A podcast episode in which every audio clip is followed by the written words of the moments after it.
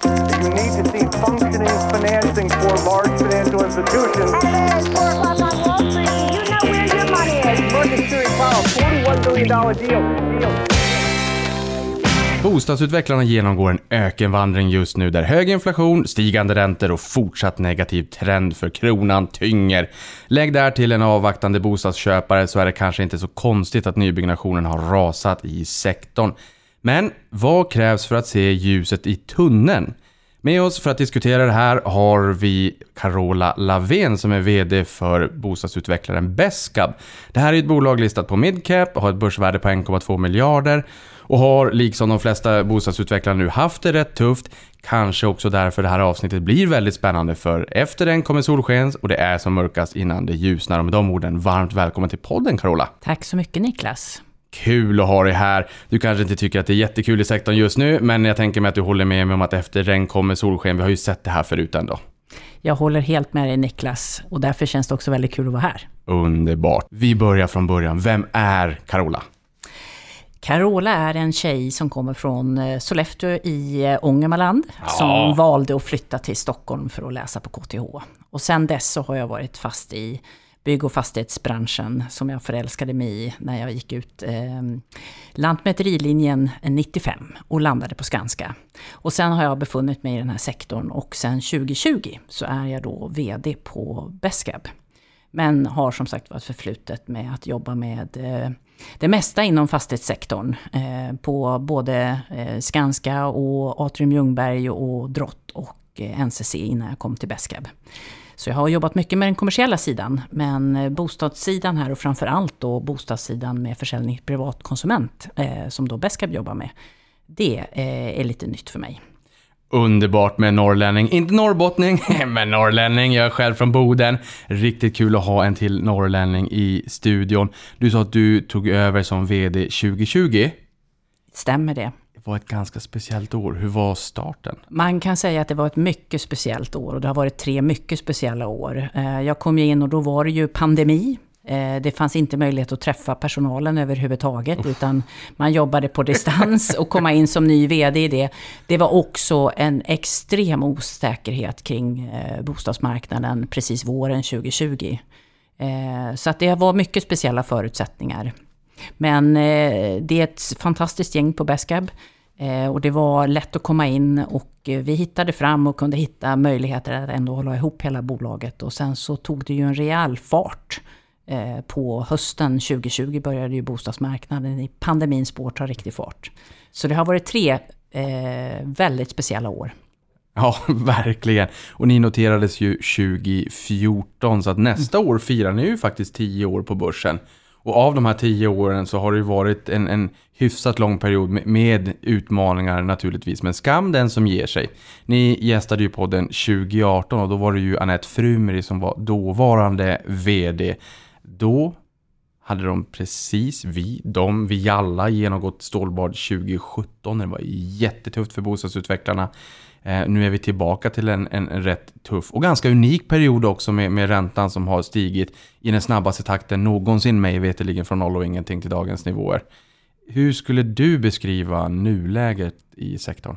Ja, men jag skulle nog säga att det är ganska mycket som skiljer den här situationen ifrån den situationen som var 2017-2018, som också var ett, en, en tuff period, men som mer var koncentrerad till, till bostadssektorn och mer koncentrerad till amorteringskrav och, och, och centrala kop beslut kopplade till, till, till det. Nu är situationen någonting annat, eh, där det är många fler saker som som påverkar sektorn, eh, och inte bara bostadssektorn, men framförallt bostadssektorn, på så många olika fronter.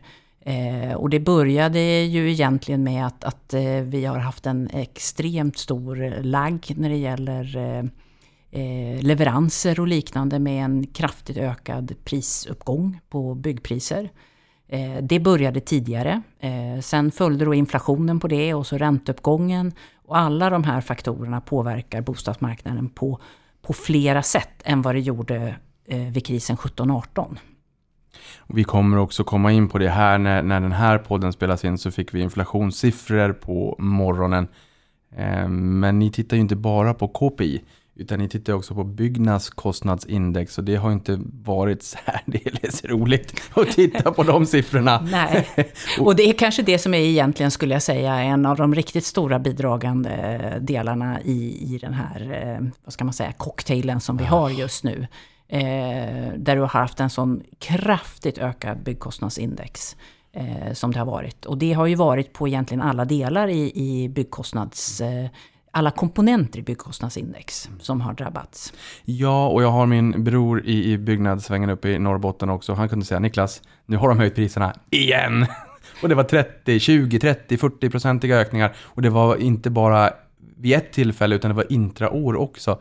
Vilket jag kan tänka mig som lekman som Blåbär, du får rätt om jag har fel, men att det var ganska unikt. Det är unikt eh, och det har inte varit den här snabba och kraftfulla byggkostnadsutvecklingen som, som vi har kunnat se nu de sista två åren. Eh, där du hade på årsbasis som toppade den någonstans på 17 procent eh, på årssiffror. Och det är klart, det, det, och då var det innan räntehöjningen kom. Och räntehöjningen har ju ett stort inslag på byggkostnadsindex också i form av byggherrekostnaderna som är en del av det. Ja, och det där kommer vi komma in på. Jag noterade här nu på morgonen när KPI-siffran, den svenska inflationen, nu följer vi ju KPIF eller Riksbanken. Men man kan liksom inte trolla bort räntekostnaderna heller, för det påverkar hushållen, det påverkar er. Och där kunde man se att hushållen, där de stigande räntekostnaderna för egna hem var 2,6 procentenheter av 6,5. Vilket innebär att det var 40 procent så att Riksbanken eh, tillverkar ganska mycket inflation om man så säger. Absolut, och du får många, många du, du har ju dessutom mycket av byggmaterialet som importeras också, kommer från andra länder, vilket också påverkar med den, med den svaga kronan. kronan. Ja, jobbigt. Men med den svaga kronan, jag tänker mig att finns det någon ljusglimt? För jag lovade ju lite grann här i början av avsnittet att eh, man brukar kunna se ljuset i tunneln och efter regn kommer solsken. Ser du några ljus i tunneln och vad krävs för att få en tydlig vändning skulle du säga? Nej men eh, som sagt det är lätt att se alla utmaningar och det. Och det är en väldigt utmanande marknad. Eh, men vad som är grunden egentligen i det här, det är ju att det finns ett stort underliggande bostadsbehov. Och det är också där, eh, bostäder är också en, en, en infrastruktur i samhället som behövs. Det behövs bostäder för social trygghet, det behövs bostäder för arbete. Eh, när företagsetableringar ska kunna attrahera så behöver man också, de anställda behöver kunna bo någonstans. Eh, när man, flytt, man behöver kunna flytta hemifrån eh, och så vidare och så vidare. Och bostäder är därför en, en väldigt, väldigt central infrastruktur i samhället. Och vi har en stor underliggande bostadsbehov. Eh, som, som, eh, vi har haft ett stort underskott av produktion av bostäder under många, många år. Det har byggts upp ett stort behov. Eh, produktionen ökade under slutet här, men nu går den tillbaka. Så att det här underliggande behovet skulle jag säga är också eh, en del av, av ljusningen. Och eh, också att det är ett sånt viktigt behov, så det finns många krafter som eh, Ehm, styr mot att vi behöver ha fler bostäder. Ja, jag tänker mig, vi har kommit in lite grann på elefanten i, i, rummet här i början på avsnittet. Ni som lyssnar på podden vet att jag brukar ju börja med vad ni gör för någonting. Nu vet vi ju att ni är en bostadsutvecklare. Eh, det är fem år sedan ni var här sist, så att vi kommer gå tillbaka till, till rötterna lite grann och prata lite mer om Beska. Men nu, nu ändå, när, när du kom in på det här, det är ett så stort underliggande behov. Man behöver en bostad och man vill gärna flytta hemifrån. Man vill inte som i amerikanska gamla serier man ser de här 40-åringarna som bor hemma hos mamma och pappa utan vi vill gärna prova vingarna och flytta hemifrån. Och det här blir ju bara ett större och större aggregerat underskott. Och eh, häng med här för det här är lite grann en novell, jag ber om ursäkt på, på förväg. Men Boverket prognostiserar ju ett kraftigt tapp för nyproduktion för byggstarter då i år.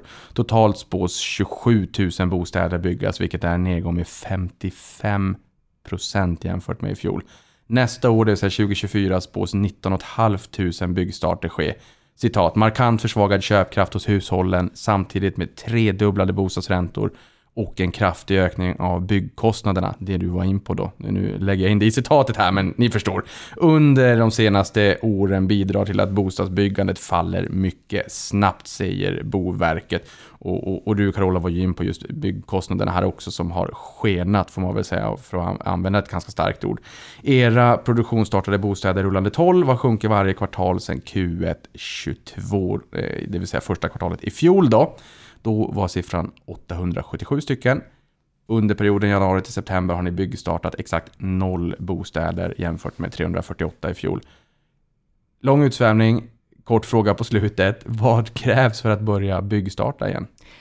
Nej, men det är flera faktorer eh, så att säga som, som krävs. Eh, för det första så, så är det ju en stor osäkerhet hos kunderna. Som bostadskonsument eh, av nyproduktion så köper man ju långt i förväg. Man köper på ritning. Vilket betyder att man eh, behöver ha en positiv framtidstro om hur bostadspriserna ska utvecklas eh, för att våga gå in i en sån affär. Det är den ena sidan av myntet och den andra sidan är ju också då att få finansiering. Eh, och i det här läget där bankerna är väldigt avvaktande så påverkar ju det kundernas oro också. Eh, för bankerna vill inte heller vara med och stötta riktigt i det här. Eh, så att det är liksom en viktig att kunna skapa den här framtidstron hos Eh, konsumenterna att våga köpa på ritning. Och också då eh, finansieringssystemet, att underlätta för det. Eh, finansieringen är också viktig för de byggherrar som ska gå igång. Och man säljer ju på, på ritning och man vill ha en förförsäljningsgrad innan man kan lyfta kreditiv.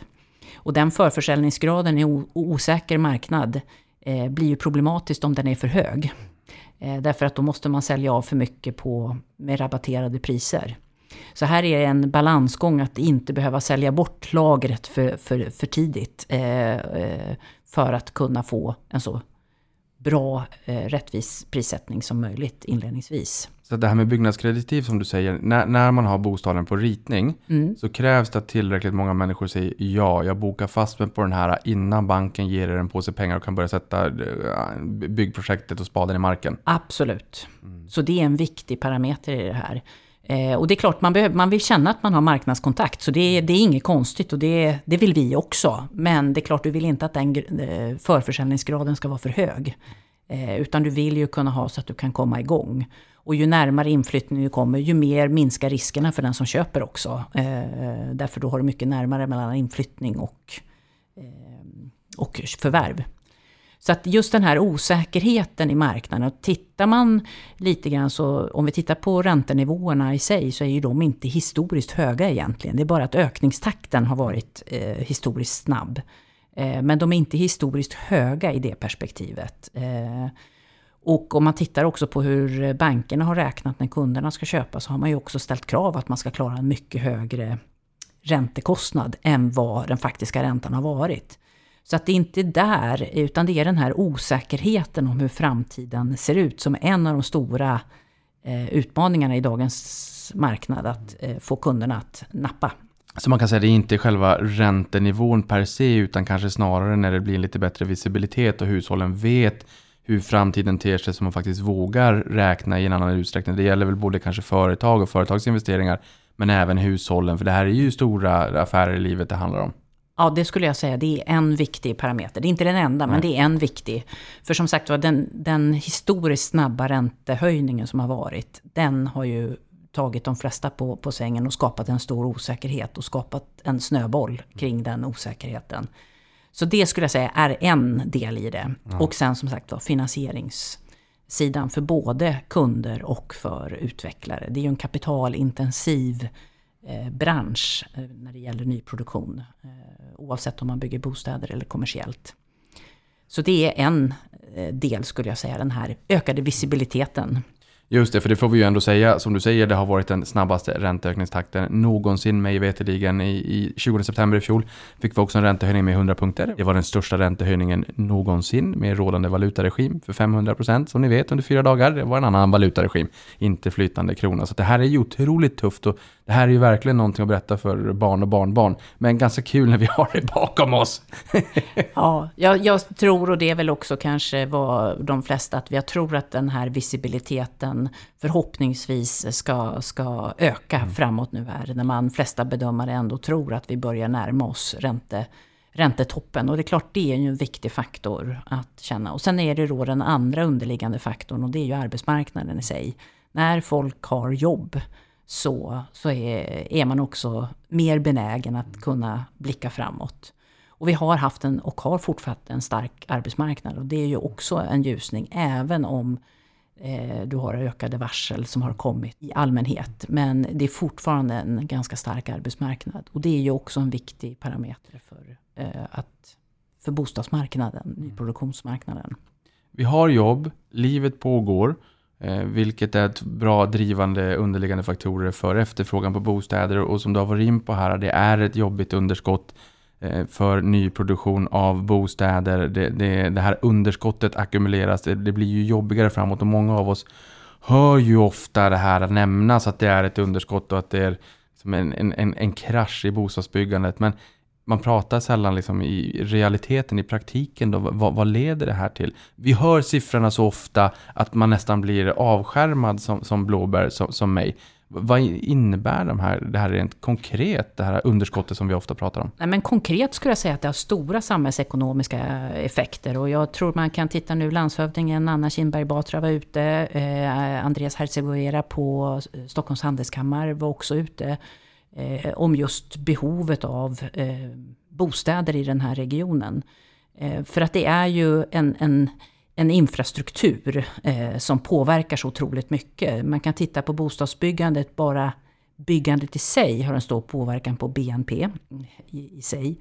Men det har en indirekt påverkan, som jag var inne på tidigare här, också på, på näringslivet. För har du inte bostäder till rimliga kostnader för din personal, då söker sig företagsetableringar till andra ställen. Du måste kunna bo eh, och ha en rimligt avstånd till din, ditt jobb och en rimlig månadskostnad för, för det jobb du har. Så det är en viktig samhällsfunktion som indirekt har en påverkan på, på sysselsättning. Och sen det tredje delen är ju den sociala tryggheten i samhället. Den börjar ju någonstans med tak över huvudet, ett bostad och också ett arbete i, i botten.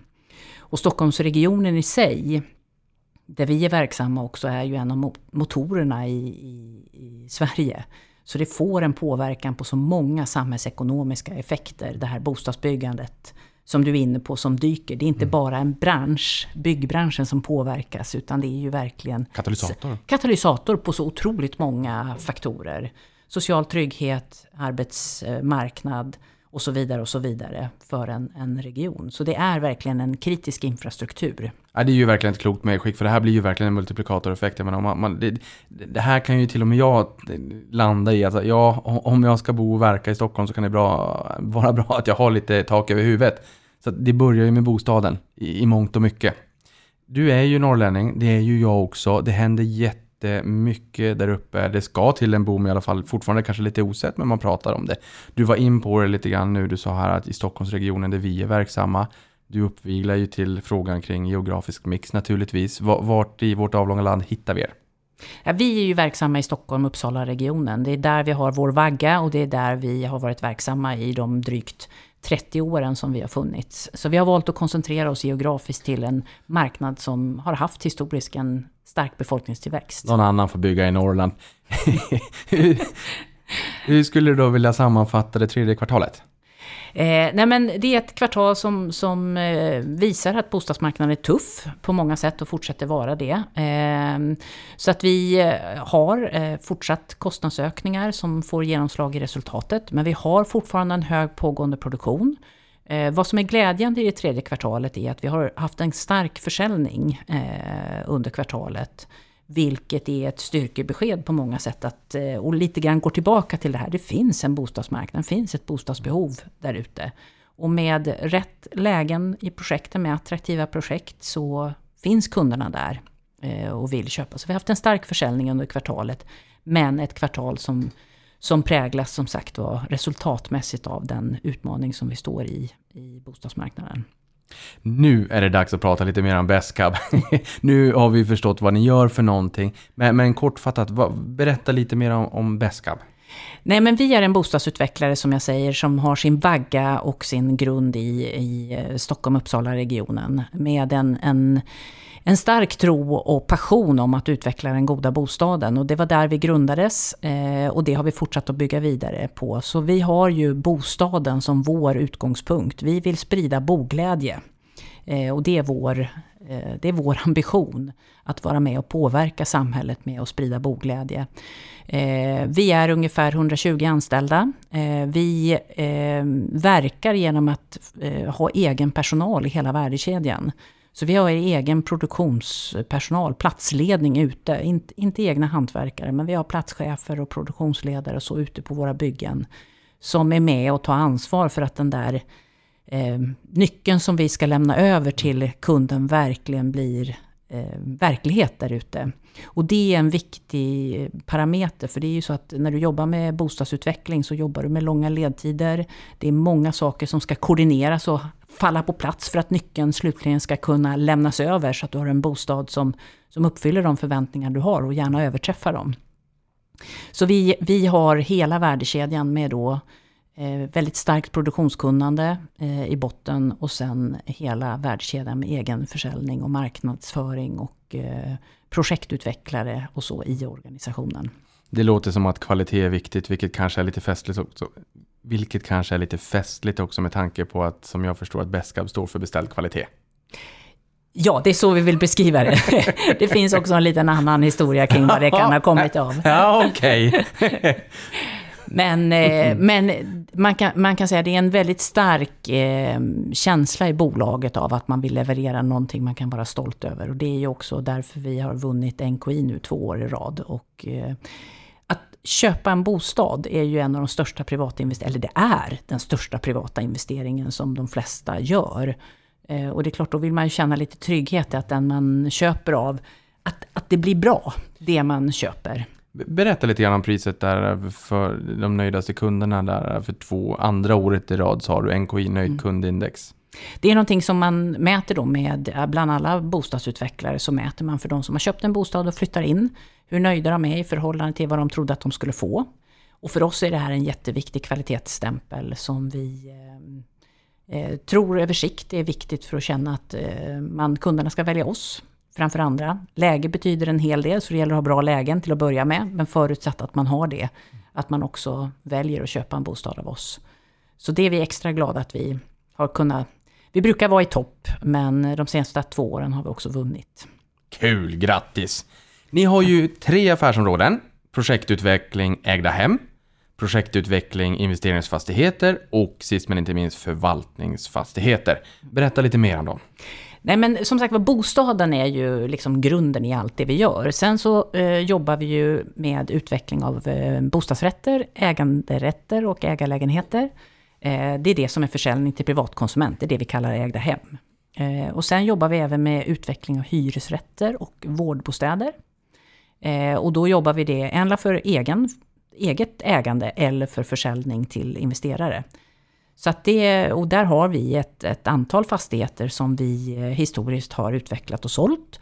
Och sen då eh, utvecklat men valt att behålla. Och det är det som är då vårt eh, förvaltningsbestånd. Då. Så vi äger ett antal vårdbostäder och lite hyresbostäder. Vad fick er att besluta er för att bygga och, och förvalta i, i egen regi? Kan det vara så att det i marknaden är alldeles eh, för höga avkastningskrav och ni känner att det här är mer intressant att äga själv? Eller att när ni sätter spadet, spaden i marken eller kanske redan på idéstadiet att ni vet att det här kommer vi att äga själva. Hur, hur, hur görs den avvägningen? Nej, men det får man ju anpassa utifrån marknadsförutsättningar också. Men vi såg att om du ska vara en aktör på en marknad där du ska kunna utveckla områden med blandad bebyggelse. Eh, och med blandad bebyggelse menar ja, då olika upplåtelseformer, till exempel hyresrätter, eh, bostadsrätter eller vårdbostäder. Så är det också bra att ha en egen del eh, som är förvaltningsbostäder. Både för att vara trovärdig mot kommuner och, och liknande, också för att ha kompetensen eh, kring det. Så för oss var det ganska naturligt. Vi har ju Eh, de ägare, vi är ju noterade på börsen som mm. du sa, men våra huvudägare har ju varit med sedan starten. Egentligen även innan man börsnoterade. Så vi har ju långsiktiga huvudägare. Och då känns det också naturligt att kunna ha en liten del förvaltningsbestånd i det. Sen är det inte statiskt eh, över tid, utan det är ju marknadsanpassat och, och där vi då har för avsikt att ha kvar, men där vi också kan eh, i vissa fall, vi har några där vi har sålt till investerare. Men, men, eh, vet ni redan vid, eh, liksom vid första tanken innan spadtaget är taget att den här eh, fastigheten kommer vi vilja äga själva? Vi, vi väljer egentligen när vi startar om det är så att vi vill starta och ha det sålt till någon annan innan. Eller så väljer vi att starta och säger att det här är med tanke på att Enla kan vi välja att behålla det. Eller så kan vi sälja det när vi kommer närmare ett färdigställande. När du säljer direkt innan du eh, så att säga, har det färdigt så är det ju alltid en, en, en, högre risk i det. Som gör att man kanske inte tycker att man får tillräckligt bra betalt för det. Mm. Eh, och det gör att vi kanske vill starta ja. och ta beslutet senare. Och i vissa lägen så kan vi tycka att nej, men det är bättre att sälja på innan vi startar. Så det är ett, ett beslut kan man säga som eh, vi tar ibland direkt. Och sen så väljer vi att skjuta på beslutet om vi ska ha det kvar eller inte längre fram. Eh, förutom ägda hem då, eh, vilket av affärsområdena, projektutveckling, investeringsfastigheter eller förvaltningsfastigheter är störst? Eh, substansmässigt är det ju störst när det gäller förvaltningsfastigheterna. Det är ju där vi, vi, eh, vi binder mest eh, kapital, eller vad man ska säga, vår största substans är. Eh, men, men sen så när det gäller då investeringsfastigheter eller eh, bostadsrätter så har vi ju mer eh, bostadsrätter eller ägarlägenheter i pågående produktion än vad vi har hyresrätter. Hur mycket fastigheter har ni i förvaltningsbenet?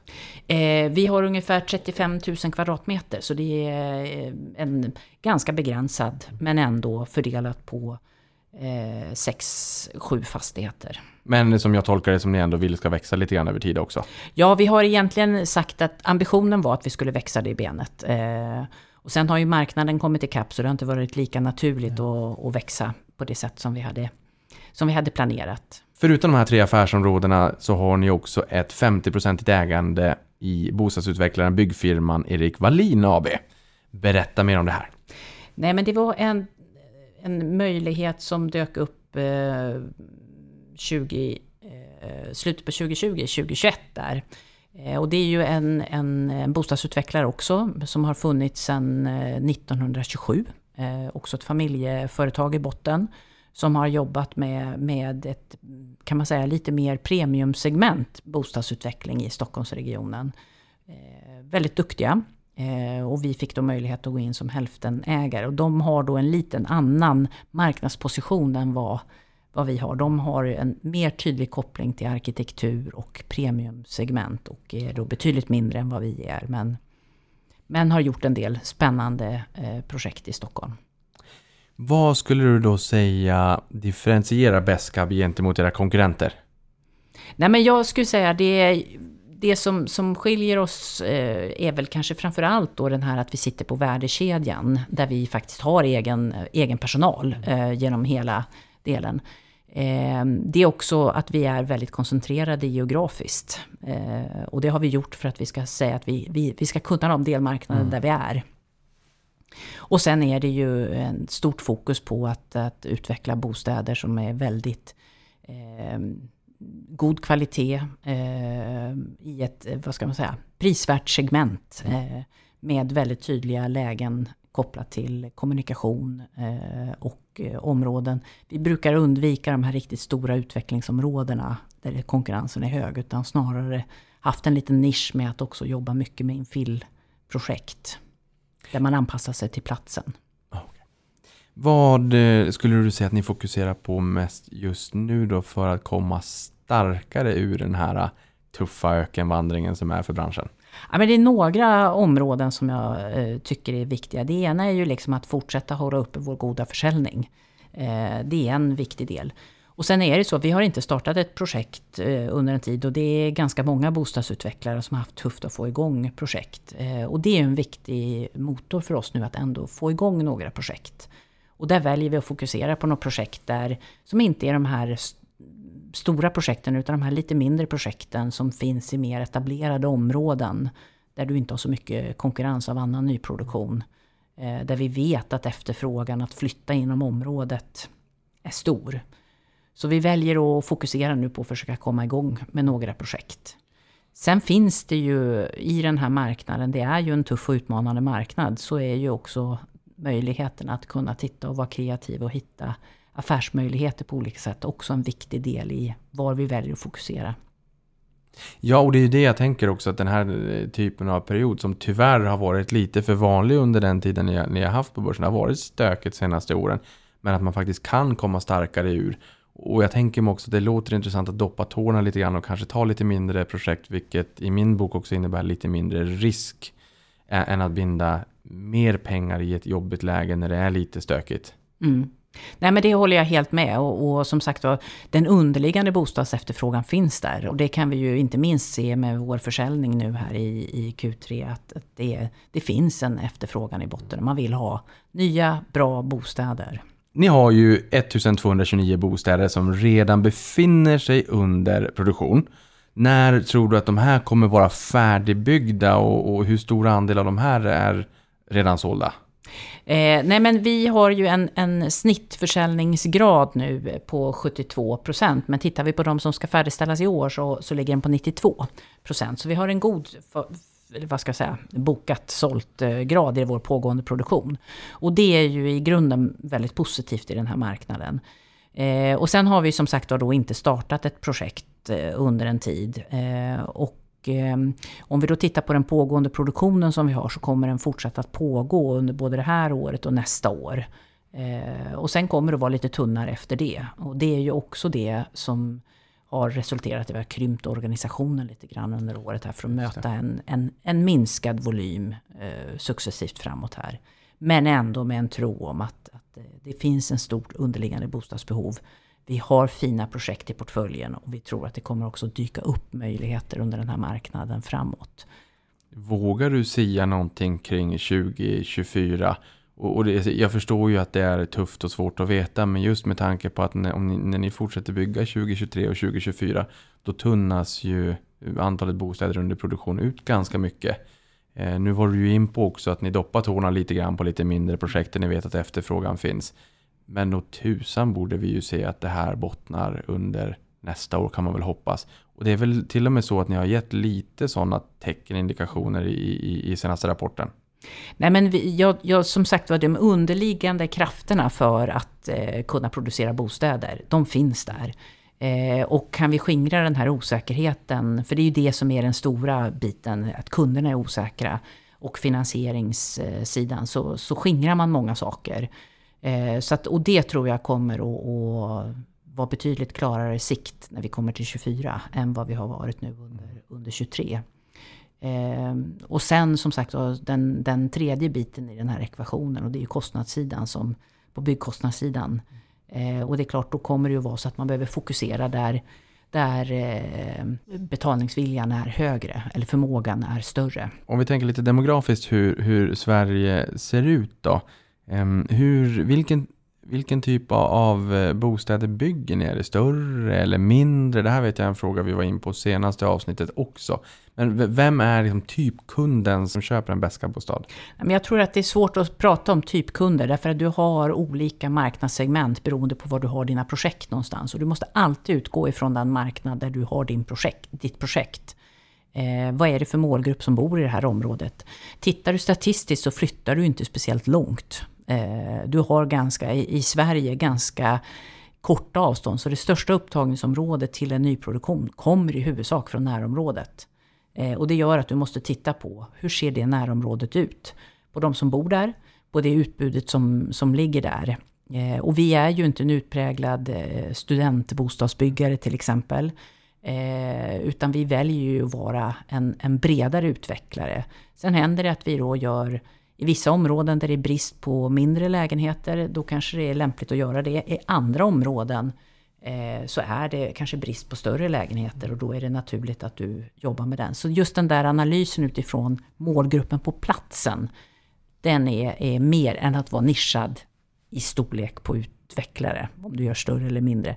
Men genomgående kan man säga, ju effektivare du kan göra varje kvadratmeter och ju smartare lösningar du kan göra, desto lättare är det ju för kunden att betala för dem.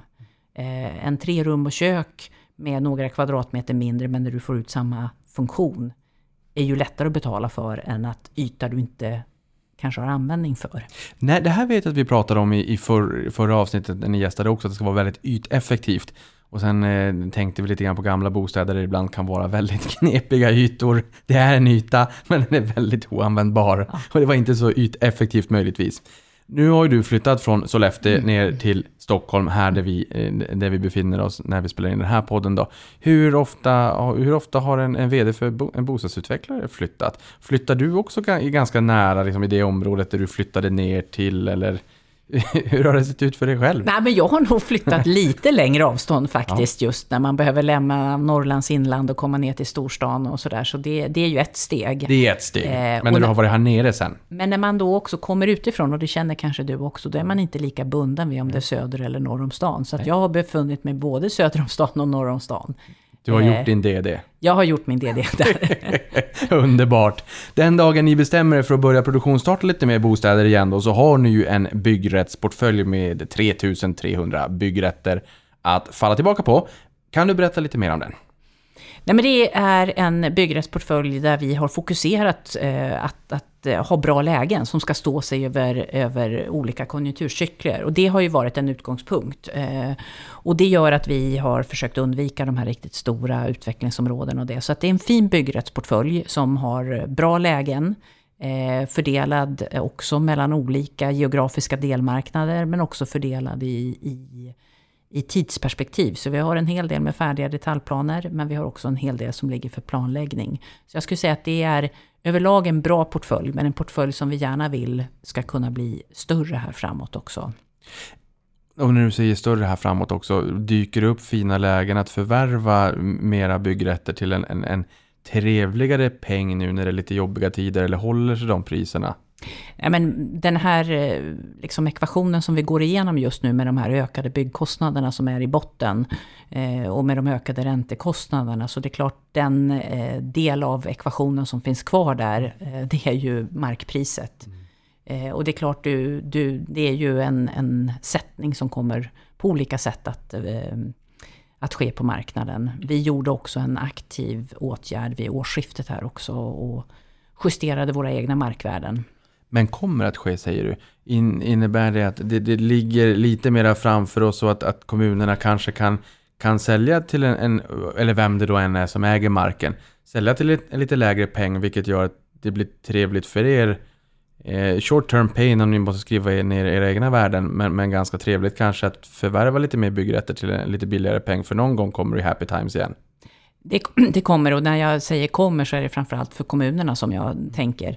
De har en mycket mer trögrörlig process och vad som händer just nu där det är ju att man inte har justerat priserna. Men i takt med att bostadsproduktionen bromsar in så kommer också eh, kommunerna att behöva vara mer eh, aktiva eller se eh, en justerad prissättning för att få, få igång, eller på, på annat sätt hitta ett sätt att få igång projekten. Intressant. Det här är ju på något sätt en liten positiv trigger framåt ändå. Det är ju inte direkt motvind ifall det är så att de kommer att krypa till korset och sänka priserna lite grann. De har ju en ekonomi att ta hänsyn till från sitt håll, Ja. som också är utmanande, så Ja. det ska man också ha en, en respekt för. Eh, men i, i takt med att bostadsbyggandet bromsar in så kommer det att eh, bli väldigt tydligt att det krävs krafter för att få igång bostadsbyggandet. Ja, det kan ju vara så att de har en liten tuff ekonomi, absolut. Det vet vi, så är fallet. Men man, man får ju fundera kring i vilken ände man börjar och det blir ju lite grann det vi var in på, short, short term pain, long term gain. Är det så att det byggs mer bostäder och det är ökad attraktionskraft för kommunen, då kanske det är så att man får se lite inflyttning och lite mera pengar in till kommunen och sådär. Alltså det, byggrättsportföljen, du var in lite grann på den, hjälp oss att förstå eh, lite mer hur man ska tänka här. För att ni har delat in den i översiktsplanering, där befinner sig 18% av byggrätterna, pågående detaljplanearbete 30% och laga kraftvunnen detaljplan 43%. Vad behöver man förstå här för, för att liksom, eh, förstå er byggrättsportfölj? Nej, men man kan börja, det, det är ju ett sätt att beskriva risken i portföljen på det sättet. För när du har färdig detaljplan, då, då har du ju som sagt plockat bort mycket av risker i både tid och, och utformning och så i det. Å andra sidan så kan du inte ha alltid laga kraftvunna planer, utan du behöver ha en bra spridning mellan olika skeden. Eh, och det innehåller både möjligheter också i de här eh, skedena längre fram, att du, du kan ha möjlighet att skapa mer byggrätter än vad du kanske hade trott från början och, och så vidare.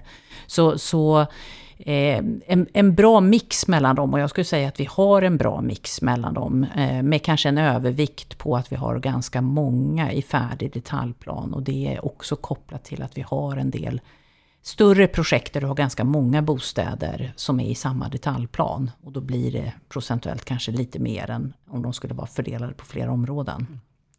Hushållen har det ju onekligen tufft just nu, vilket vi har varit in på. Det är både hög inflation och högt ränteklimat. Samtidigt har sålda bostäder rullande 12 nu ökat två kvartal i rad.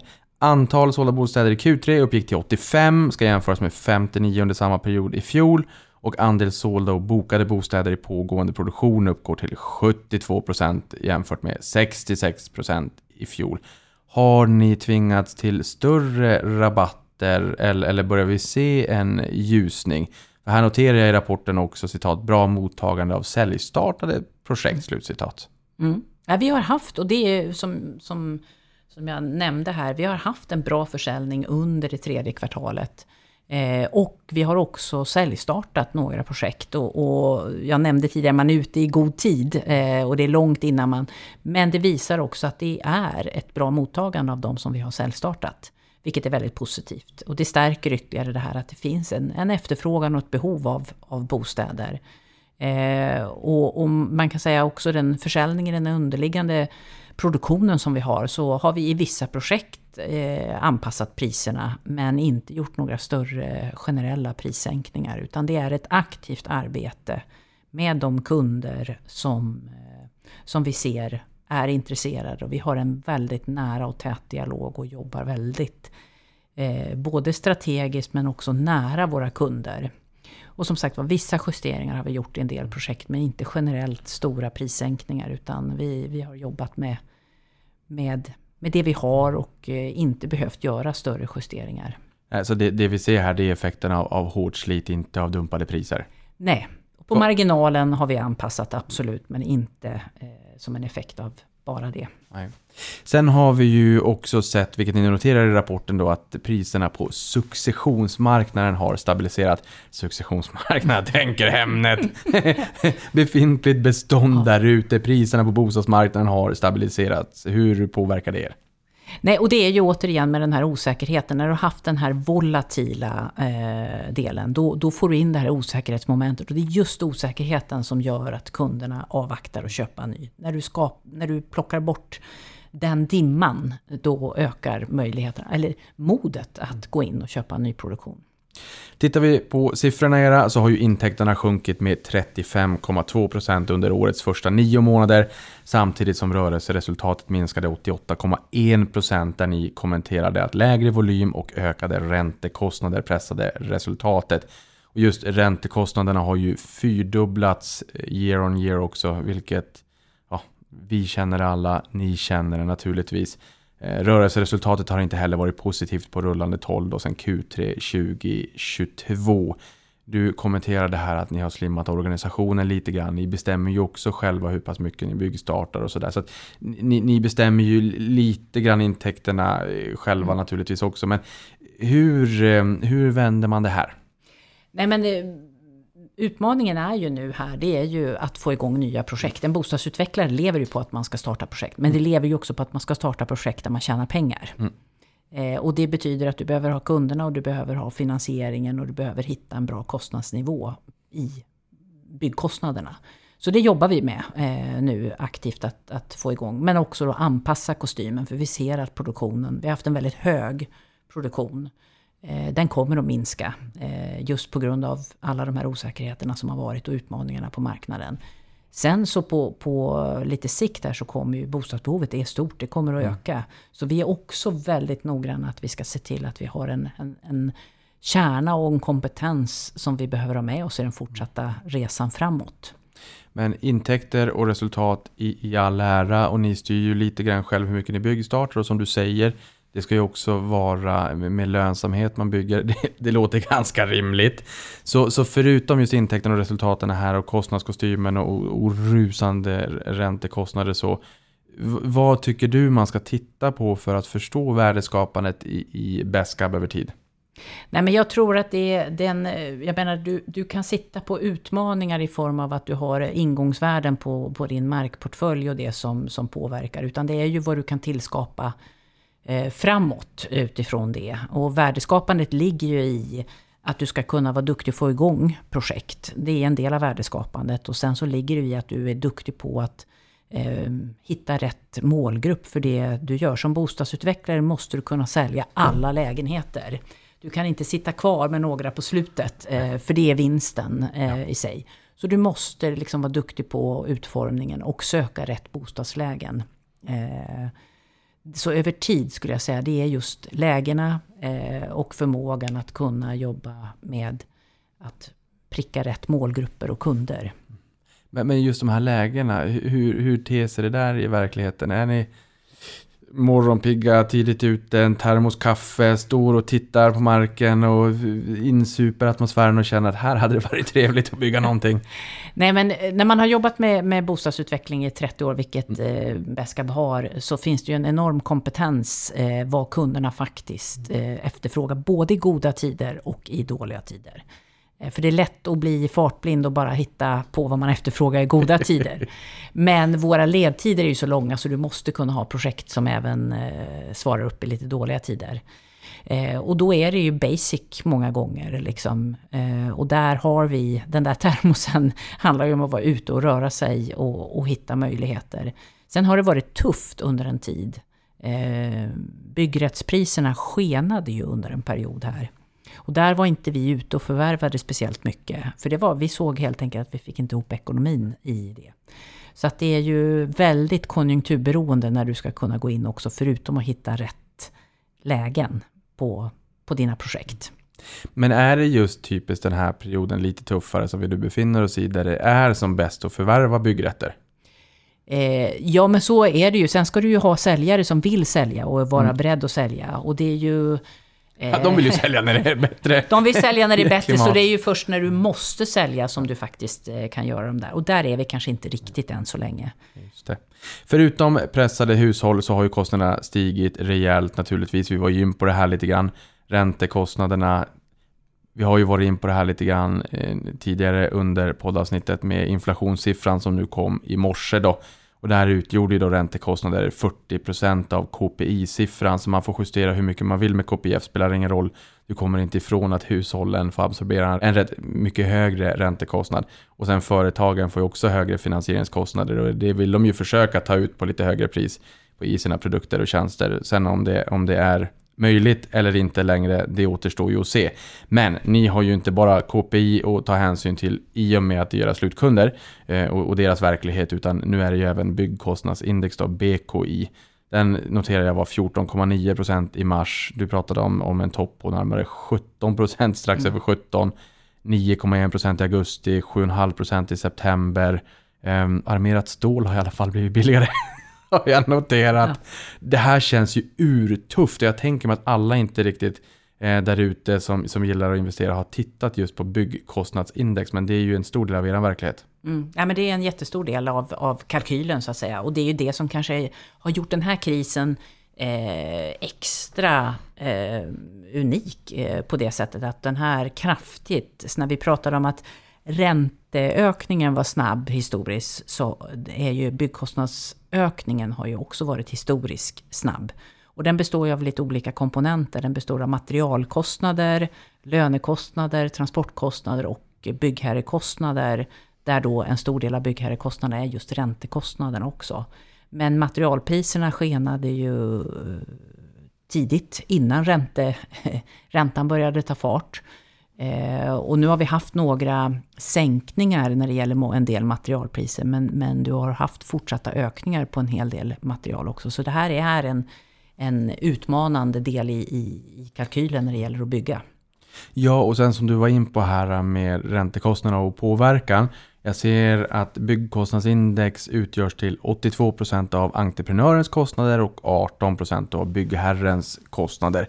Byggherrekostnaderna har stigit 27,7% year on year senaste mm. året. Eh, vilket har tryckt upp byggkostnadsindex med 5,3 procentenheter. Och här är det, precis som du är in på, räntekostnaderna som har spökat. de har ökat 64 procent.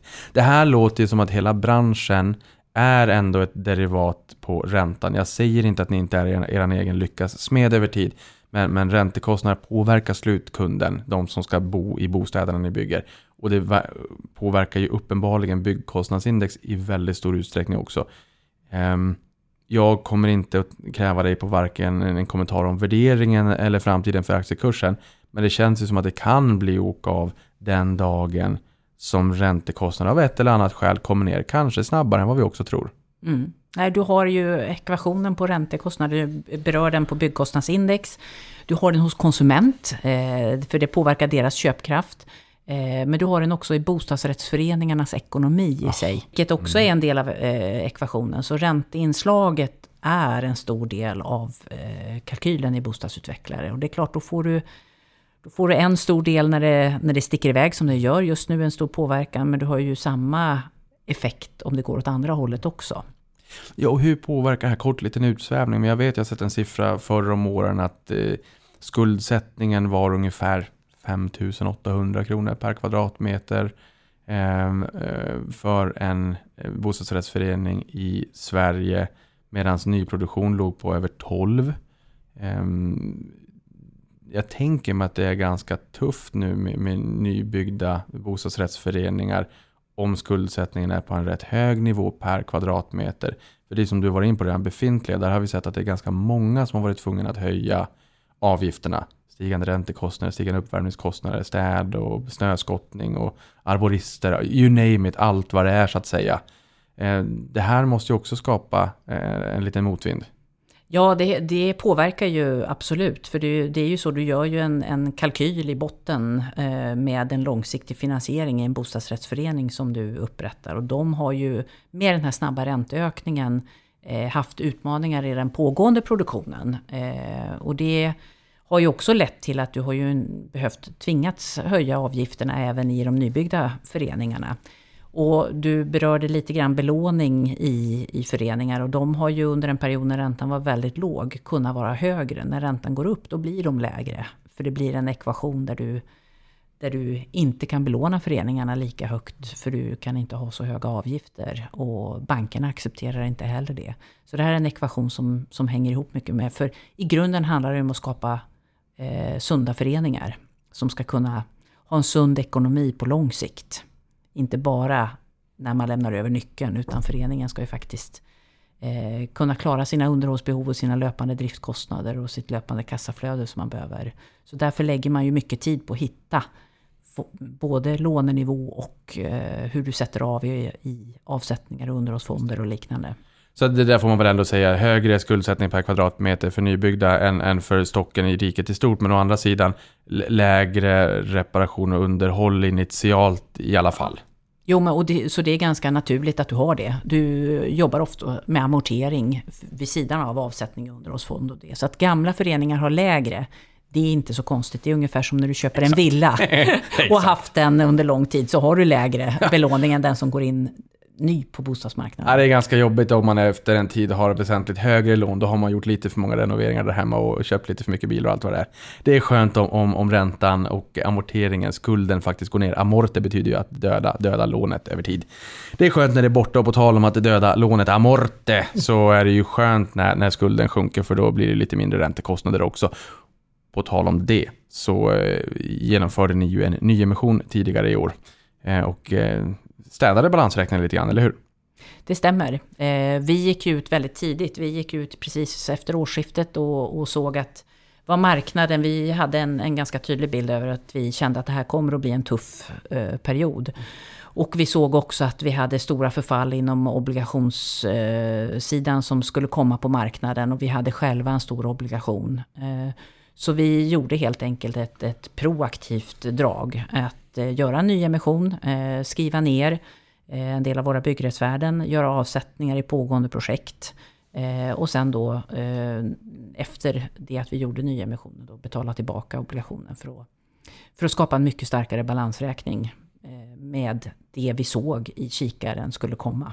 Hur ser kapitalstrukturen ut idag då? Har ni någon, någon ytterligare obligationer som... Nu har vi inga Nej. obligationer, utan vi har Skönt. rensat bort beroendet av det, vilket är väldigt bra. Ja, det förstår jag verkligen. Det känns väldigt, det låter väldigt skönt. Och ni har ju efter det här också eh, likvida medel på 166,4 miljoner kronor jämfört med 477,6 i fjol då. Hur länge håller ni er flytande på det? Jag tänker mig att i takt med att ni färdigställer bostäder så kommer det in en del pengar också ju. Ehm, De här slantarna, hur, eh, hur länge räcker de så att säga? Ja, vi, vi, vi gör inga prognoser på det sättet, men, men vad man kan säga, vi har ju många projekt som ska slutföras. Och då är ju vår försäljning och den här att lämna över nyckeln till kunderna en av de viktiga delarna som vi, som vi jobbar med. Eh, och sen får man aktivt jobba hela tiden med balansräkningen på vad vi kan, eh, vad vi kan göra med den. Eh, och vi har ju attraktiva projekt. Vi jobbar ju med att få igång en del starter, eh, vilket också gör att vi kan eh, komma igång och finansiera eh, nya projekt. Och det är också en viktig del av verksamheten, också inte minst för att stärka kassan över tid. Eh, För det är ju det vi tjänar pengar på, att eh, starta nya projekt, bygga, tjäna pengar på dem. Så det är ju någonting som ett, ett rullande, vi är ju inte ett förvaltningsbolag på det sättet som har löpande kassaflöden från, ja vi har ju en förvaltningsportfölj där vi har det, men över tid så är ju vårt kassaflöde eh, med just det här att komma igång och starta projekt och tjäna pengar och bygga på kassaflödet med det. Nedskrivning av byggrätter har du pratat om. Tror du att det finns en, en risk för att man behöver skriva ner ytterligare? Nu förstår jag att du inte kan sitta här och lova någonting. Men, men, men tog man i eller finns det en, en ja, liksom, har man det lite grann bakom sig nu?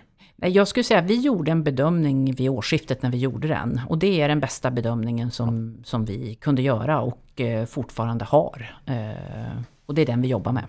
Er genomsnittsränta uppgick till 5,9% i slutet av Q3 jämfört med 4,3% i fjol. Det var trevligare i fjol.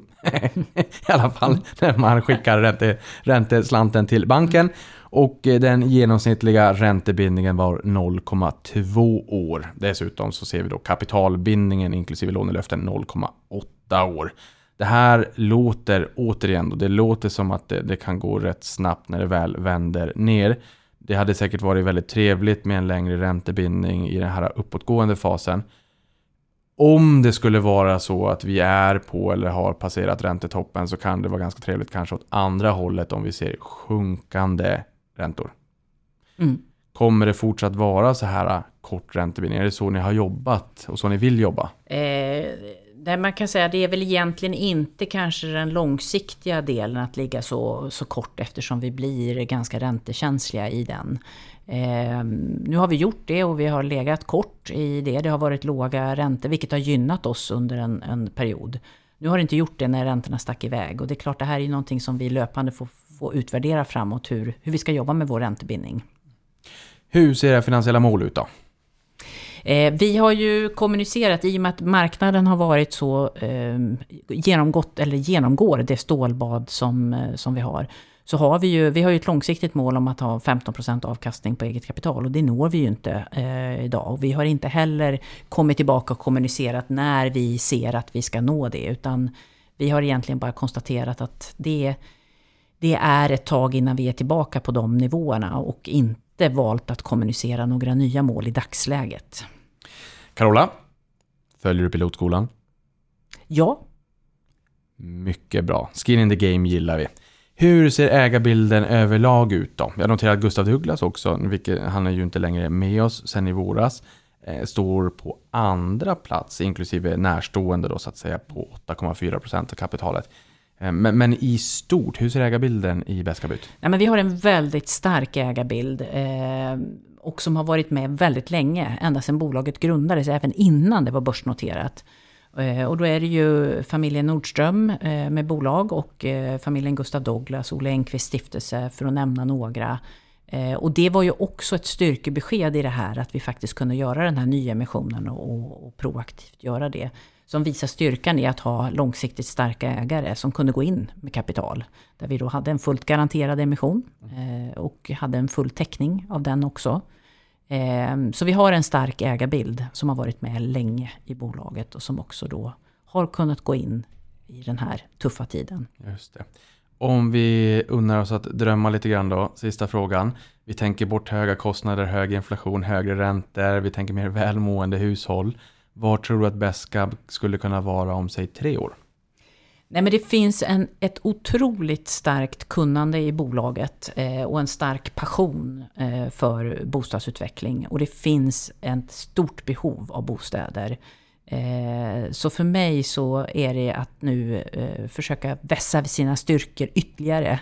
Eh, för det är ju när det är riktigt tufft som det också Eh, man får riktigt stora incitament att verkligen vässa sig där man behöver göra. Och att kunna vara redo att plocka. För det kommer att byggas bostäder framåt. Eh, och det kommer att vara en mycket mer positiv bostadsmarknad framåt. Men det är inte säkert vi är igenom den riktigt, riktigt än. Okej, låt oss göra en apportemission av en sista liten fråga in här också. Som sagt, det var stökigt 2017, det är stökigt just nu, du har varit i branschen länge. Skulle du säga för den som lyssnar på det här avsnittet, som har tittat på bostadsutvecklare på börsen, som har funderat kring det här. Är det här och tillhör det vanligheten att det är så här stökigt med några års mellanrum? Eller skulle du säga att det här är tämligen ovanligt i, i ett längre perspektiv? Den situation vi sitter i just nu skulle jag säga, den är nog unik på många sätt eftersom det är så många parametrar som samverkar. Eh, sett över tid så, så finns det några saker. Du har ett grundläggande bostadsbehov i botten. Eh, och det är inte jättemånga branscher där du har det. Så på det sättet så är det en intressant bransch att vara. Sen är den konjunkturberoende på det sättet att den är beroende av ränteutveckling och den är beroende av eh, om man gör förändringar på amorteringskrav eller liknande. Och det öppnar ju upp för, för att det kan vara perioder där du får tuffare. Å andra sidan så, så öppnas det också upp möjligheter. Så den är lite mer volatil än eh, en del andra branscher. Men underliggande finns det ett väldigt stort bostadsbehov på de flesta av, eller på de marknader vi är på. Definitivt. Ni verkar tidigt på Maslows behovstrappa. Carola, ja. tusen tack för att du kom till podden och berättade mer om Beskab i dessa dystra tider som förhoppningsvis blir lite ljusare och lite trevligare going forward. Och som sagt, i de mörkaste av tider. Tack så mycket Niklas. Och stort tack för att du lyssnade på det här.